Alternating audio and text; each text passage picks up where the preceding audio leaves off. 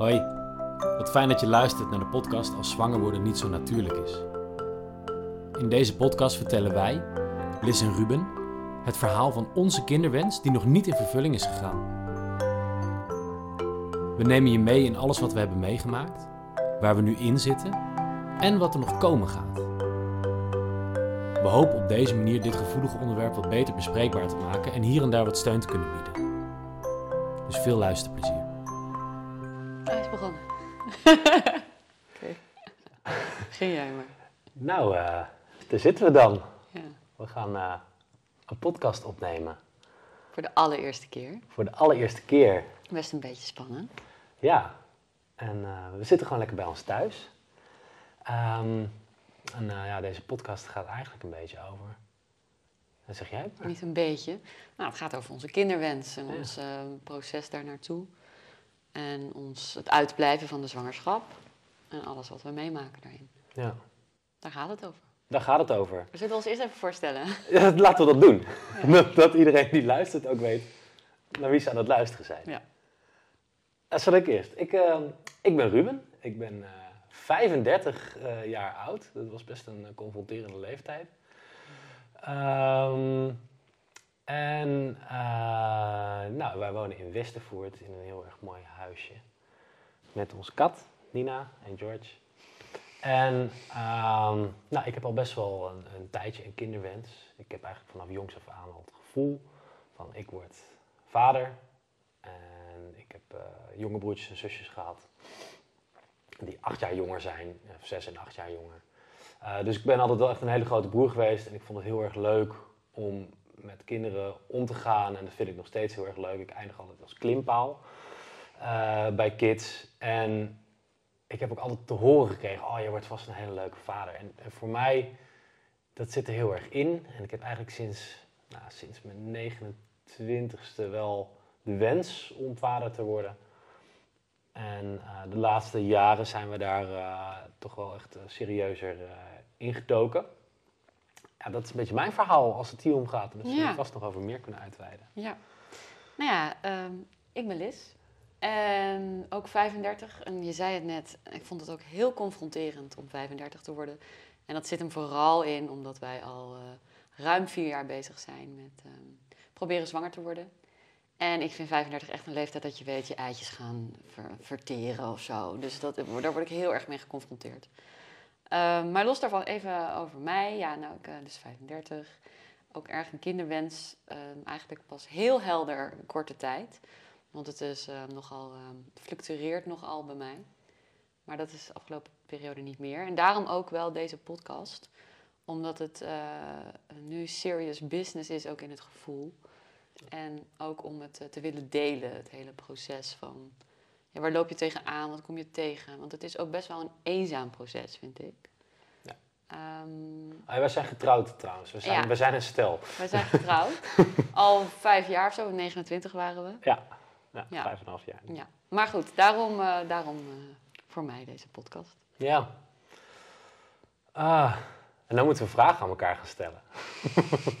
of niet, of het ontstaat gewoon. Dus Ja. we zijn, het idee is een beetje van de podcast om jullie dus mee te nemen in ons eh, verhaal wat we al hebben meegemaakt. Maar ook wat ons nog in de toekomst staat te wachten. We hebben dus nog heel erg de kinderwens. Het is niet dat we al kinderen hebben.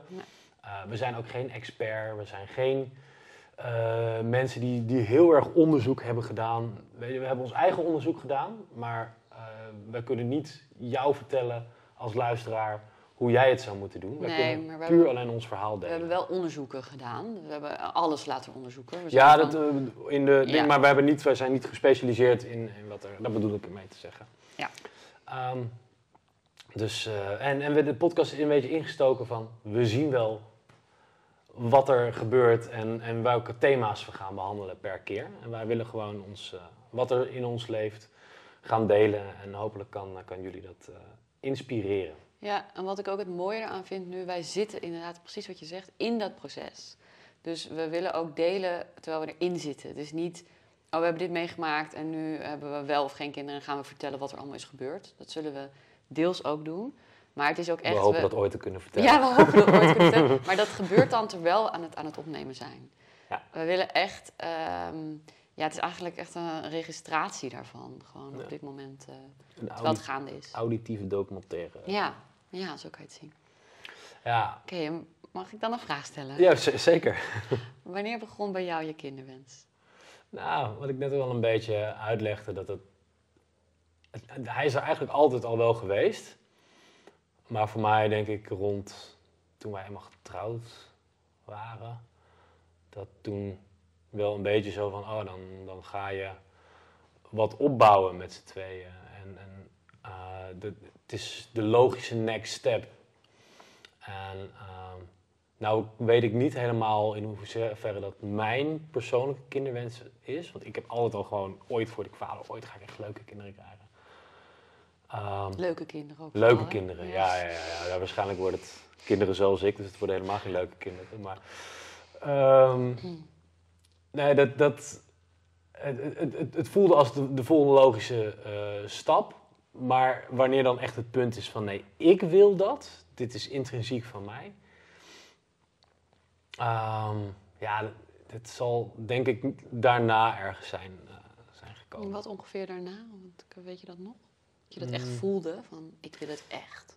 Nou, ik weet dat wij ooit een keer in Haarlem eh, zaten in een bar. Toen zijn we veel te dronken geworden. Ja, ik weet dat dus niet meer zo goed. Nee, nee jij weet het niet meer zo Toen goed. hebben we het besloten voor We hebben toen mijn tas laten staan. Toen zijn we de volgende dag vanuit Amsterdam met onze bakken dat weer wel, terug, ja. eh, teruggereden om onze tas te halen. Eh, en daar hebben we aan die bar besloten, weet je, we gaan het gewoon doen. En volgens mij waren we toen net 30. En eh, toen hebben we nog aan die barman hebben we dat zitten, zitten te vertellen. En die barman had echt zoiets van, nou, good for you guys. Ehm, dus toen Oh was ja, het eigenlijk de eerste wel, keer ja. dat wij hebben gezegd, ja, dit is iets wat wij met z'n tweeën willen. Ja. En ik denk dat toen vaak eens als er zo'n idee in mijn hoofd geplant wordt, dan, eh, ja, dan, dan gaat het ook wel Ja. leven. En dat is nu, nou ja, bijna zes jaar geleden praten we dan over. Vijf jaar, zes jaar? Ja, vijf jaar terug denk ik. Dat is echt een lange tijd. Ja. Hoe kijk je daar even nu naar dan? Als je Ehm, dat nu zo ziet. ja. ja, ik denk altijd dat het loopt zoals het loopt. Mhm. Dus dat, eh, ja, ik had wel graag al een kindje willen hebben, ja. Dat, eh, dat, Tuurlijk. dat kan ik niet... Anders zaten we hier nu ook niet. niet verbloemen. Nee. maar ehm, ja, weet je, kijk, het, is ook in, een, in die vijf jaar hebben we periodes gehad dat we er heel erg mee bezig waren. We hebben ook periodes gehad dat we het even helemaal loslieten. Ehm, dus dat gaat een beetje af en aan hoe, hoe, hoe erg ik daarmee bezig ben. Ik, eh, ja, het is niet dat we, dat we 60 maanden lang hebben geprobeerd om iedere maand eh, helemaal, helemaal raak te schieten. Nee. Dus, ehm, Maar toch is vijf jaar nog steeds een Vijf jaar is wel lang. Het is, het is wel zo lang en van de anticonceptie af. Ja, En weet je, het zou toch wel een keer moeten gebeuren. Ja. Ehm, ja, dat zeggen de dus artsen ook. Het is wel echt fucking balen. Ja. Misschien is het leuk, dat- fijn, niet leuk, we even vertellen kort van wat we mee hebben gemaakt in die vijf jaar qua fertiliteit. Dat is een goeie. Ehm, nou, we waren 30 ongeveer. En toen gingen we het dus proberen. Volgens mij waren we 30. En dat eh, gebeurde maar niet, gebeurde maar niet. En toen ging ik wel ovulatietesten doen. Want dat had een vriendin gezegd die wel direct zwanger was geworden en daarna ovulatietesten. Maar dat gebeurde het ook nog niet. En toen dachten we, we gaan het toch eens laten onderzoeken. Dat deden we pas terwijl we al anderhalf jaar aan het proberen waren of zo. Of twee jaar. Ja, toch al. eh, dat was in, eh, in de corona zo, eerste coronazomer. Ja. mij. Maar wij zijn ook nog verhuisd in de tussentijd. Dus daar gaven we al ons aandacht aan. Van Amsterdam naar Arnhem zijn we toen verhuisd. Eh, en toen zijn we naar het ziekenhuis gegaan in Arnhem. En daar zijn we onderzocht, allebei. En daar kwam niks uit. Dus dat was een soort van, nee, jullie zijn allebei gezond. En eigenlijk zijn jullie perfect in staat om gewoon kinderen te krijgen. Ja hoor, helemaal top. Eh, maar laten we dan maar een hormoonbehandeling beginnen. Dat was dan de optie. Ja. Nou, toen gebeurde er bij mij iets en ik, ik sloot helemaal af. Ik eh, trok dat helemaal niet, want ik dacht als we allebei gezond zijn, waarom dan een hormoonbehandeling beginnen? Dus ik voelde ook alleen maar daarin een harde nee. Weet jij nog hoe jij daar toen in stond? Ehm, dat ik vooral zoiets had van. Ik, ik- bij mij was toen heel erg de angst dat het biologisch niet zou kloppen bij een van ons. Dus dat het niet zou kunnen gebeuren. Dat ze zouden zeggen: Oh, nee, eh, Eh, mevrouw Engelsman, die, die baarmoeder, dat, Ja, dat gaat het niet worden. Of hey, Ruben van der Horst, dat zaad van jou, oeh, dat is zo dood als een pier. Dat is ook heel erg en dat, dat, gebeurt. en dat was, zeker voor, voor mij, ik heb een verleden met, met blowen. En, Ja. Eh, dus dat, dat was toen wel een moment dat ik dacht van, oeh, ik hoop echt dat dat, dat dat het niet is. Aan de andere kant had ik ook weer zoiets van, fuck, wat is het dan wel? Ja. Dus de, ja, maar dat, dat, dat had ik voornamelijk. Wat, wat, met welke intentie ging jij daarheen? Ja, dat ik wilde weten, is alles goed? Je had zo'n thuistest gedaan voor je sperma. Ja, en daar kwam een... Daar kwam- dat eh, ging- dat was niet dat- goed, Dat was, dat was niet oké, nee. Maar we lachen er nu om. Maar en toen dacht ik wel, jeetje. Oké, dan is dat de verklaring, dacht ik. En het is zo gek. Aan de ene kant is er een, wat erg, wat verschrikkelijk. Aan de andere kant heb je een opluchting omdat je het kan snappen. Er is namelijk een verklaring. Dus het is, oh, hierdoor is het dus. Maar ja, toen gingen we naar het ziekenhuis en toen bleek jouw zaad helemaal perfect te zijn en helemaal Ja. goed. Ik heb nog heel lang gedacht dat ze mijn zaad gewoon met die van iemand anders hadden verwisseld. Ik denk, is die test wel goed uitgevoerd? Was het Ja. niet met diegene die voor me in dat hokje zat? Oh, erg. ja, omdat we steeds maar weer niet zwanger werden. Want nou ja, Ja. kortom, we hebben dus besloten niet een hormoontraject in te gaan toen. Ehm, we woonden toen op dat moment ook in een klein huisje in het bos. We zijn weer verhuisd in de tussentijd trouwens. Ja, Eh, in die vijf jaar zijn we ook een paar keer verhuisd. maar vier keer. En ehm, toen dachten we, ja, we wonen nu in een heel klein huisje in het bos. Het is tijdelijk, is ook niet handig. Dan gaan we het nu niet doen. En voor mij voelde het gewoon niet oké, aangezien er niks mis zou zijn. En ik, dan, ik ben eigenlijk al heel lang tegen hormonen. Ik, eh, ik slikte de pil ook al heel lang niet meer. Ik had wel een koperspiraal een tijdje, maar wij deden het gewoon met condooms. Ja, maar jij, jij ging ook nooit goed. Nee, ik kreeg er echt last van. Hormonen. En eh, met de pil, dat, sinds dat... We hebben al 13 jaar, eh, of 14 jaar relatie, ik weet het ondertussen Ja, oh ja, trouwens, dat is ook goed. En ja. de, de pil ben jij toen helemaal bad op gegaan. ja. Wat gebeurde er? Wat heb jij met hormonen? Wat, Nee, maar dat, dat, dat. Ik word daar heel depressief van. Dus dat wilde ik niet. En toen hebben we het losgelaten. Toen hebben we het losgelaten en we dachten van, nou, dan, eh, als het gebeurt, gebeurt het. Als het niet gebeurt, gebeurt het niet. Nou, en dan hoor je in alle verhalen van iedereen, ja, dan word je zwanger. Nou, dat hebben wij dus niet. Bij ons is het niet zo dat niet? gegaan. Terwijl we het echt los hebben gelaten. Natuurlijk was ik er wel mee bezig in mijn achterhoofd. Maar niet van, oh, we moeten zwanger worden. Eh, en toen gingen we verhuizen naar dit huis. Ik zat in een burn-out in de tussentijd ook nog. Ja. Eh, jij had een nieuwe baan, dus we waren echt heel druk met van alles. ik heb een, ben nu een opleiding begonnen. Ehm, toen zijn we naar eh, dit huis verhuisd. En toen kwamen we erachter dat we dachten, we willen echt weten wat er aan de hand is. Ja. Want we geloven het gewoon niet, wat er onverklaarbaar, onvruchtbaar. Er moet Ja. iets zijn. En toen zijn we naar België gegaan. Toen zijn we naar België gegaan, naar dokter Valkenburg. Dokter, de beroemde dokter. Ja, die, die ons... eh, hoe, eh, hoe zijn we bij haar gekomen?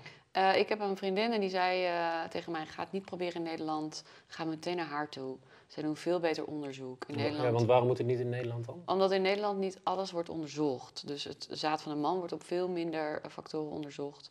En de vrouw wordt ook eh, ja, een gewone echo en bloed. Eh, en dat is helemaal niet genoeg. En dan krijg je een standaard hormoonbehandeling of een fertiliteitsbehandeling, laat ik het zo noemen. Terwijl jij misschien iets hebt waar dat, daar- waar, wat dat, eh, waardoor het helemaal niet aanslaat. Dus ehm, toen dacht ik, hé, hey, dat klinkt interessant. Dus we hebben een af- afspraak gemaakt bij dokter Valkenburg Ja. in Antwerpen, in Leuven in Antwerpen. Ja, en dat is mijn vrouw. Die eh, heel goed in de vak. Echt eh, enorm goed. Sociaal een beetje eh, niet zo goed. Dus, Nou, wij liepen de eerste keer wel met haar weg. ja, De eerste keer dat we terugkwamen hebben we gelijk iedereen gebeld. ja. In ieder geval iedereen is als in jouw ouders, mijn ouders. We bij- echt goed bij gevoel een vriend over. van mij. En dan Ja. was iets van, wow, ja, er is hier in eh, twee uur tijd. Ja. Want, want ik, ik moest gelijk naar een lab. klopt. In twee uur gebeurde En, en alles. jij had al echo gehad. Echo, en- bloed. dus in twee uur hadden we Ja. meer onderzoek gehad dan in Nederland maand, in, in twee maanden. ja, ja, wat daar in, in die tijd gebeurt. klopt. Helemaal klopt. Dus we gingen er helemaal, oh, nou hier gaat, het, eh, hier gaat het helemaal plaatsvinden. En dit gaat helemaal top zijn. Ehm, en toen bleek bij mij met defragmentatie, D- Ja, DNA-defragmentatie nu te gaan we een te beetje zijn. biologisch praten. Maar inderdaad, ja, Ja, hoe het exact zit met DNA-fragmentatie. dat weet ik wel. Liz dat ga ik niet allemaal uitleggen Nee. nu. Maar het gaat er wel om dat ze dit in Nederland niet onderzoeken. En dat dus heel vaak blijkt dat eh, mannen een te hoog DNA-fragmentatie heb- hebben. Dus breukjes in je DNA. Ja. Ehm, en dat komt door oxidatieve stress. Eh, dus het kan er ook door blowen komen. Het kan ook door voeding komen. Het kan gewoon door het leven komen eigenlijk. Ja. Ehm, en bij mij vonden ze een lichte vorm van PCOS. Dus eh, ja, heel veel eitjes in mijn eileiders. Maar heel licht. Dus dat was op zich geen probleem. En ik had gewoon een ovulatie. Ik ben ook gewoon ongesteld. En uiteindelijk hebben we nog veel meer onderzoek gehad. Ik heb een MRI gehad, ik heb een hysteroscopie gehad, dus een kijkoperatie. En daaruit is gekomen dat ik eh, een lichte vorm van adenomiose heb. En dat is endometriose. Alleen in de baarmoederwand. Een spier. Ehm, spier. En dat, eh, dat heb- hebben zij eruit gekregen. Terwijl die MRI is in Nederland gedaan. En de artsen in Nederland zeiden weer... nee hoor, er is niks te zien op die MRI. Er is geen adenomiose. Ja. En dokter Valkenburg zei... jawel, wij zien degelijk wel iets met dokter Campo erbij. Nou goed, verschillende eh, artsen, verschillende eh, conclusies... eh, verschillende adviezen. ja, behoorlijk. En dit was afgelopen september. Ja, dus Ja. het gaat er nu best wel over een korte tijd terug eigenlijk. Ja, en toen hebben we dus in... Jij kwam uit die hysteroscopie, wat een soort van space center was. Ja, dat was echt een uh, Alsof het op. Mars was. En, lopende bandwerk voor je gevoel. En toen zijn we, hadden we daarna een nagesprek. Ehm, en in dat nagesprek zeiden ze van, nou ja, jij hebt waarschijnlijk endometriose, maar we gaan je door verwijzen voor die MRI. Ehm, maar de enige behandeling die we kunnen doen is eh, IVF. Nou, we gaan het traject eh, nu hier en daar voor je uitstippelen. Ja, werd allemaal gepland. Over een maand eh, moet je dit en dit. Je moet nu beginnen met eh, anticonceptie, want je moet je baarmoeder rustig krijgen. En we gaan je in, in een artificial menopauze brengen. Ik krijg het ook helemaal weer benauwd als je het zo allemaal zegt. Ja, maar dit, dit binnen, binnen een kwartier, Ja, want het- dat gesprek heeft letterlijk niet meer dan een kwartier geduurd, hebben we en eh, te horen gekregen dat jij dus een, een, een aandoening hebt, waar wel prima mee te leven is, en, Ja. maar goed, een aandoening. Ehm, en stond een soort van IVF-traject al helemaal vastgetimmerd met alle data, eh, alles erop en eraan. ja ik, moest, ik moest de spuiten maar even bestellen. Die Ja. zouden dan thuis gestuurd worden. Wat gebeurde er toen met jou? Nou, ik kwam gewoon in een soort shocktoestand eigenlijk. Want ik had dat onderzoek gehad en het is echt wel een heftig onderzoek, die hysteroscopie. Eh, Sommige vrouwen vinden het misschien meevallen, maar ik vond het echt wel een heftig onderzoek. Ehm, en ehm, ik zat toen in dat kamertje met jullie om die uitslagen te bespreken. Maar ze hadden al gezegd dat ze iets hadden gevonden. Dus ik was al heel bang. Ik dacht, wat heb ik? Ik dacht eigenlijk, want ze hadden gezegd, je moet een MRI. Dus ik dacht, ik heb kanker. Ja, dat is het eerste wat in me Hmm. opkwam. Het stond natuurlijk, want je moet voor meer dingen een MRI. Maar goed. Ehm, nou, uiteindelijk eh, zei ze dus eh, dat ze denken dat ik inderdaad endometriose heb. En voordat überhaupt, ik dacht, nou dan gaan we die MRI doen. Maar zij zei meteen al, ja, de IVF, agendaplanning. En toen we bij, dat was het moment waarop ik, waarop ik helemaal eh, gek werd. We stonden bij de secret, nou, secretaresse, hoe noem je dat? Die- Balieassistent. Bali-assistent die ging haar agenda indelen. Die ging met ons de momenten plannen. En op dat moment voelde ik zo'n hele warme gloed uit me stromen. Hadden ze me niet verteld dat ik door die operatie nog zou gaan bloeden. Dus ik sta daar en ik zeg tegen Ruben, jij moet alles regelen. En ik ren naar het toilet en mijn hele broek zit vol met, nou ja, heel onsmakelijk dit. Maar zullen we nog wel meer doen in deze podcast. Met bloed. En ik ben daar in België. Ik voelde me net al een kippetje in het rijtje met een blauw mutsje op en een blauw hemd dat het spaceship inging om onderzocht te worden. Waaruit dus moet blijken door mensen met blauwe hemdjes aan dat je niet helemaal klopt. Zo voelde het voor mij. En dat je dus niet werkt, want er is iets mis. En dan wordt er maar een behandeling voor bedacht die voor iedereen heel normaal is. Maar voor mij de hel is. En het ergste wat ik me kon bedenken. Ik heb altijd gedacht, ik wil geen reageerbuisbaby. En dan, dan is het gewoon niet weggelegd voor me. Dus de hele medische wereld nam het over. Ze namen mij over. Ze namen mijn leven over op dat moment. Dus ik liep naar buiten en ik kon eerst alleen maar voor me uitstaan. En op een gegeven moment alleen maar huilen. Mm. En roepen dat ik een schone onderbroek nodig had. Dat Ja, dus we zijn naar de action gelopen Ja. om onderbroek te halen. onderbroek te halen. Ik stond daar midden in de action, nog met zo'n hoofd dat ik niet begreep wat er nou Oh, ja. gebeurd was. En toen zijn we nog ergens wat gaan drinken en ik kon eigenlijk alleen maar huilen. En toen eh, moest ik even mijn moeder bellen. Ja. Om even te, even te ja, ventileren en opgevangen te worden. En ik riep heel hard, ik hoef geen kinderen toen we naar buiten liepen. Dat, eh, dat gebeurde bij mij. En wat gebeurde bij jou? Nou, mijn eerste zorg was, jou, was jij op dat moment. Ehm, mijn, mijn, wat, het allereerste wat ik hoorde was... Toen, toen ze zeiden, ze hebben iets gevonden bij jou... dat er bijna een soort van opluchting was van... Oh, eindelijk hebben we de oorzaak. Dat zei je ook meteen. Dat vond ik zo erg dat je dat zei. Want ik Ja. dacht, ik ben heel erg ziek. Ja. Ja, het was misschien ook niet heel tactisch om dat direct te zeggen, maar het was, het was wat er op dat moment in me opkwam. En, ehm, want die hele onverklaarbaarheid, daar was ik wel een beetje beu. Ja, ja. En, en nu was er eindelijk iets gevonden en het was niet iets waar je niet mee kan leven en geen kinderen mee kan krijgen.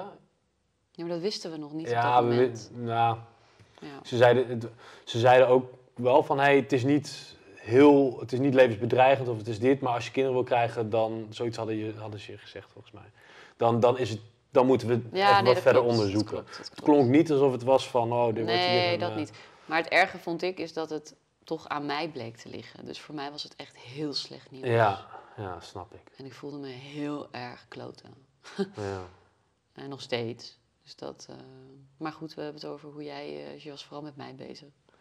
Toen we er eenmaal naar buiten liepen, toen we eenmaal ook zag wat het, wat het met je deed, en toen hadden we dan die afspraak staan. En we zeiden, want we, kregen ongeveer drie minuten om te be- beslissen of we die afspraak op dat moment Ja, wilden. of we dus het IVF-traject in Dr. wilden. Valkenburg ging even Even naar buiten. naar buiten. Ja, drie minuten. Nou, het was niet eens drie minuten.